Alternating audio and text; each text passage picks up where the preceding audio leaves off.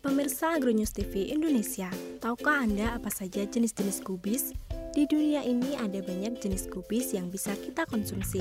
Apa saja jenis-jenis kubis tersebut?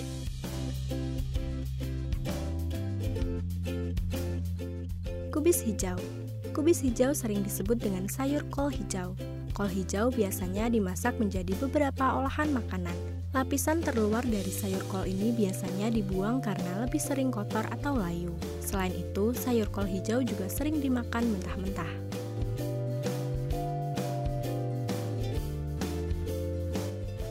Kubis ungu Bentuknya hampir sama dengan kubis hijau, bedanya adalah di warnanya. Selain itu, kubis ungu juga lebih keras daripada kubis hijau, sehingga lebih terasa renyah saat digigit.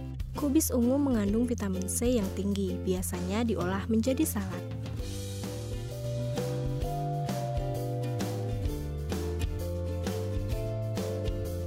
Kubis Savoy Kubis Savoy sekilas tampak seperti kubis hijau, hanya tekstur daunnya yang lebih berkerut.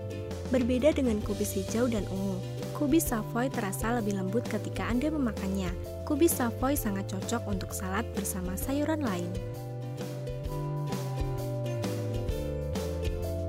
Kubis napa. Tahukah Anda bahwa sayuran ini juga termasuk dalam golongan kubis? Biasanya Anda akan menyebutnya dengan sayur sawi putih. Ternyata sayur ini termasuk dalam varietas kol mengingat susunan daunnya yang juga berlapis-lapis seperti kol atau kubis lainnya.